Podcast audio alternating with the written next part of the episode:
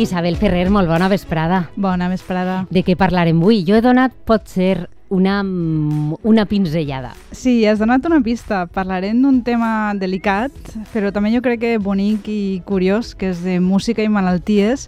El tema és molt, molt ample. Malalties relacionades amb la música n'hi ha moltes, moltes d'elles físiques en el sentit de musculars. Molts músics tenen, com els esportistes, tenen per desgast, per, per males posicions, per moltes circumstàncies, eh, problemes físics, però avui ens centrarem, diguem, més en la part, eh, algunes malalties físiques, però que tenen relació amb els processos creatius i mentals, per dir-ho així, eh? Parlarem de coses variades.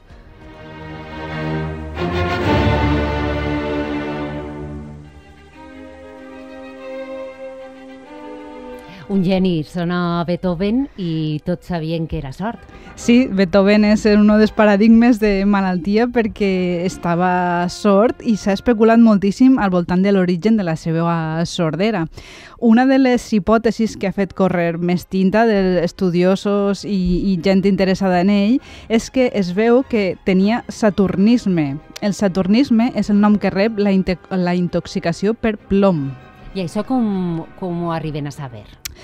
Es veu que al llarg de la seva vida, Beethoven va visitar gran quantitat de metges per a curar diversos mals que patia, que incluïen mala digestió, dolor abdominal, cirrosi hepàtica, irritabilitat, depressió i la seva coneguda sordera. Això, quan ell va morir, molts anys després, va portar alguns estudiosos a fer eh, com unes anàlisis del cabell i el que van trobar és que tenia plom, plom en les restes del cabell. I d'on ve la paraula saturnisme? S'anomena així perquè en el passat eh, l'element eh, del, del plom s'anomenava, els, els químics de l'època, els alquimistes l'anomenaven Saturn. Aleshores, les últimes investigacions pensen, interpreten que Beethoven bevia com uns gots de metall uh -huh. i que aquests gots de metall, que eren els típics de l'època, no de vidre com ara, portaven plom i que a força de beure vi, que es veu que bevia mm, prou, eh, mm. es van anar enverinant ella soles. Mm, mm. És a dir, que de Beethoven hi ha moltíssimes llegendes i també s'ha estudiat molt el, com era la seva salut. Mm. I em pregunta també si hi ha més compositors que tenen certa relació amb, amb una malaltia concreta. La, la pregunta, millor dit, seria al revés. Si n'hi ha, ah. que, que no n'hi ha, perquè, clar, uh, un poc ja quan ha passat el temps, ara n'hi ha molta gent que investiga, no?, si estos compositors clar. del passat, quan això ara de les malalties... Fàcil. Ara sí, ara és molt fàcil, no?, fer hipòtesis. N'hi ha molts llibres eh, i se n'ha parlat moltíssim, sobretot de desequilibris emocionals. El que passa és que jo crec que també té un poc de truc, no?, Els, eh, un poc ara actualment eh, el que seria la, el, el món artístic és el relació amb la sensibilitat i tot això porta que a vegades no parlem de desordres mentals.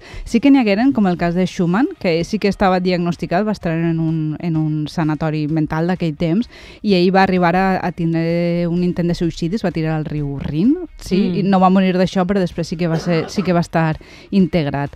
Aleshores, jo diria que no sé, no sé què és abans, si la malaltia mental o el, el, o, o el geni, no sé com, com dir-ho. Ja, ja, ho entenc. Eh, ja ho estaves tu avançant, Isabel, que hi ha molta relació amb els genis o els compositors musicals i la part més sensible que poden tindre. Sí, jo crec que això sovint ens fa caure en mites perquè, eh, com en profecies autocomplides, els compositors, no? que ells, els compositors, en principi, són persones eh, que, que treballen, que tenen una habilitat molt gran, però a partir del romanticisme construïm la idea d'això, del, del compositor com un geni, no? I com eres un geni i ells ho saben, que són genis i es consideren com a tal, com que es, estan legitimats a fer algunes excentricitats que la resta de la gent, no? És com no sabem què és abans, si que se'ls considera un geni si facin l'excentricitat o al revés. I a vegades pot ser estem alleugerint un tema molt, molt greu i important Clar. com són les malalties mentals en, el, en mesclant-les en coses no? que són creatives.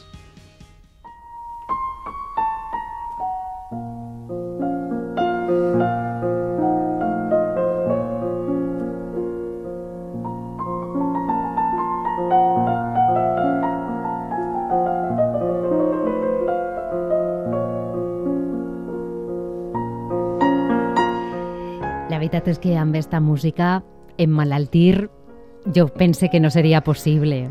Sí, doncs curiosament això és de Chopin, que és un compositor que es va passar gran part de la seva vida malalt i justament l'he escollit perquè és un dels paradigmes més típics de, de músic malalt perquè ell va patir una malaltia molt del segle XIX que és la tuberculosi. La tuberculosi, com tot el món coneix, que abans es deia tisis, sí, n'hi ha molta gent major que li diu tisis, és una malaltia infecciosa que es transmet per contagi que afecta fonamentalment els pulmons. Els seus símptomes més clàssics són tos crònica i n'hi ha, ha gent no, que inclús que, que arribes a tirar són poc desagradable, eh? sang, febre, suors nocturnes i pèrdua de pes. Aleshores, per aquest aquest quadre mèdic en el segle XIX de vegades es creia que la tuberculosi era en realitat vampirisme, ja que la persona quan, quan moria, quan, quan moria d'això, al poc de temps, tota la família moria també amb una físic similar. Hmm.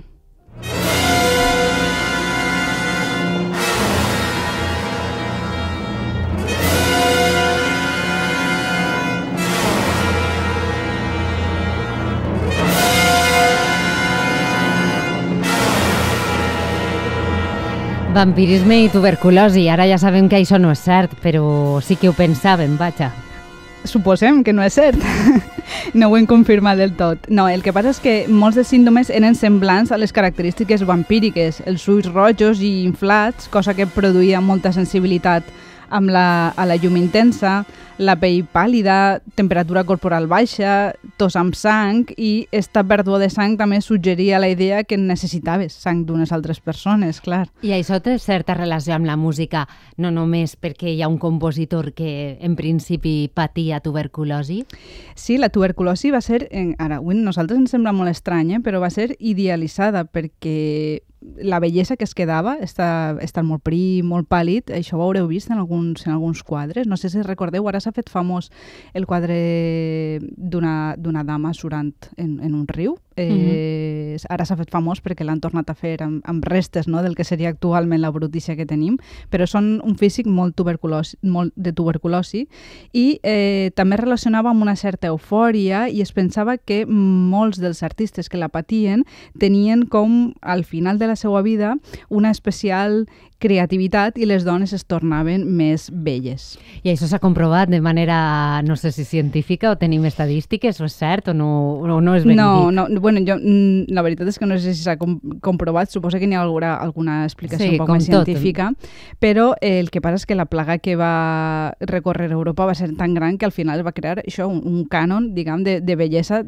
que, que en realitat era un cànon de persona malalta. Mm. Mm. Estem parlant de malalties i la seva relació amb la música i amb els compositors. Tenim alguna més d'eixes que podrien qualificar com típiques? Del segle XIX també una malaltia de transmissió sexual que és la sífilis mm -hmm. i que és coneguda perquè és la que va patir i el que el va fer morir Franz Schubert. Ich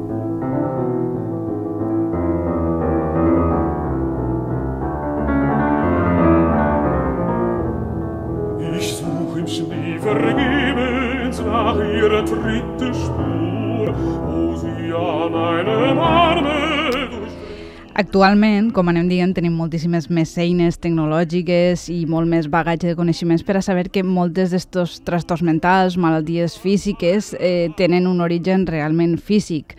Són des, molts d'estos casos els explica el neuròleg Oliver Sacks, que és conegut sobretot per la seva pel·lícula Despertares, i que un dels seus llibres justament recull molts dels, eh, molts dels casos que ha tingut relacionats en, en, en la música, perquè es va donar compte que moltes malalties mentals es relacionaven amb la música. I segur, Isabel, que coneguent-te t'has preparat algun cas que podes sí, contar-nos pues així. Sí, portat, però el llibre que es diu Musicofilia en té moltíssims. Un dia, si voleu, dedicarem a, a parlar d'ell, però vos el recomani. A més, té, té un un, un preu molt, molt, molt accessible.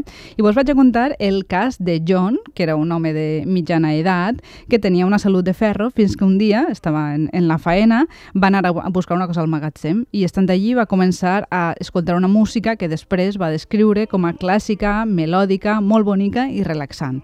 A ell la música li resultava un poc familiar i li sonava com que era d'un violí. Es veu que sentint aquesta música es va començar a sentir cada vegada més marejat i va buscar l'aparell va començar a buscar el suposat aparell d'on eixís amb música per apagar-lo perquè li va començar a, a molestar.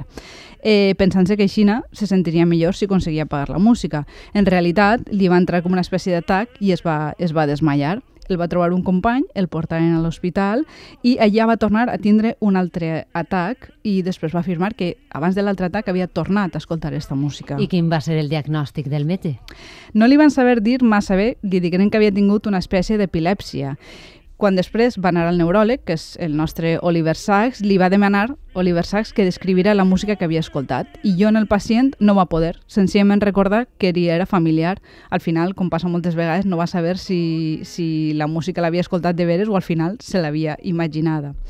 Però com Saxes, neuròleg, va tindre curiositat per el tema i va seguir fent recerca. I al final va trobar que hi havia una relació entre una part de, del lòbul temporal dels cervells que es relaciona amb aquest tipus d'epilèpsia. Aleshores, quan hi ha un atac, es veu que l'oient se li activa com una espècie de música que tenim uh -huh. com un subconscient i l'escolta però ja no sabem res més. Queda... La veritat és que el cervell té, hi alberga un muntó de misteris i jo penso que pràcticament tots els mesos tenim un nou estudi que ens parla d'alguna qüestió que té a veure amb el cervell. Sí, de fet, moltes d'aquestes coses igual les estem medicalitzant i tenen un altre tipus d'origen no? més, més relacionat amb la cultura, però tampoc som els primers eh, en què intentem imaginar-se aquest tipus de, de relacions i n'hi ha un cas que segurament eh, els oients coneixen, que és eh, el cas de la tarantela, que és una dansa típica italiana, que si voleu, per a contextualitzar, escoltem-la.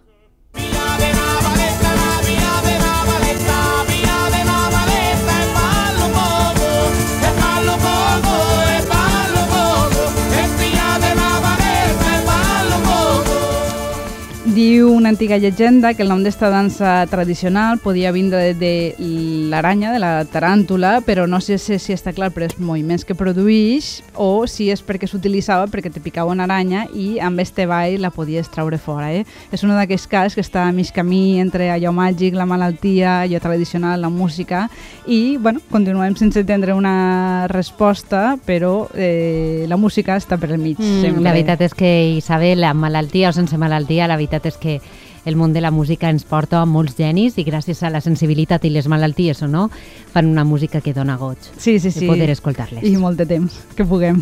Clar que sí. Moltíssimes gràcies, Isabel. Fins la setmana que ve. Fins la setmana que música. ve. Adéu.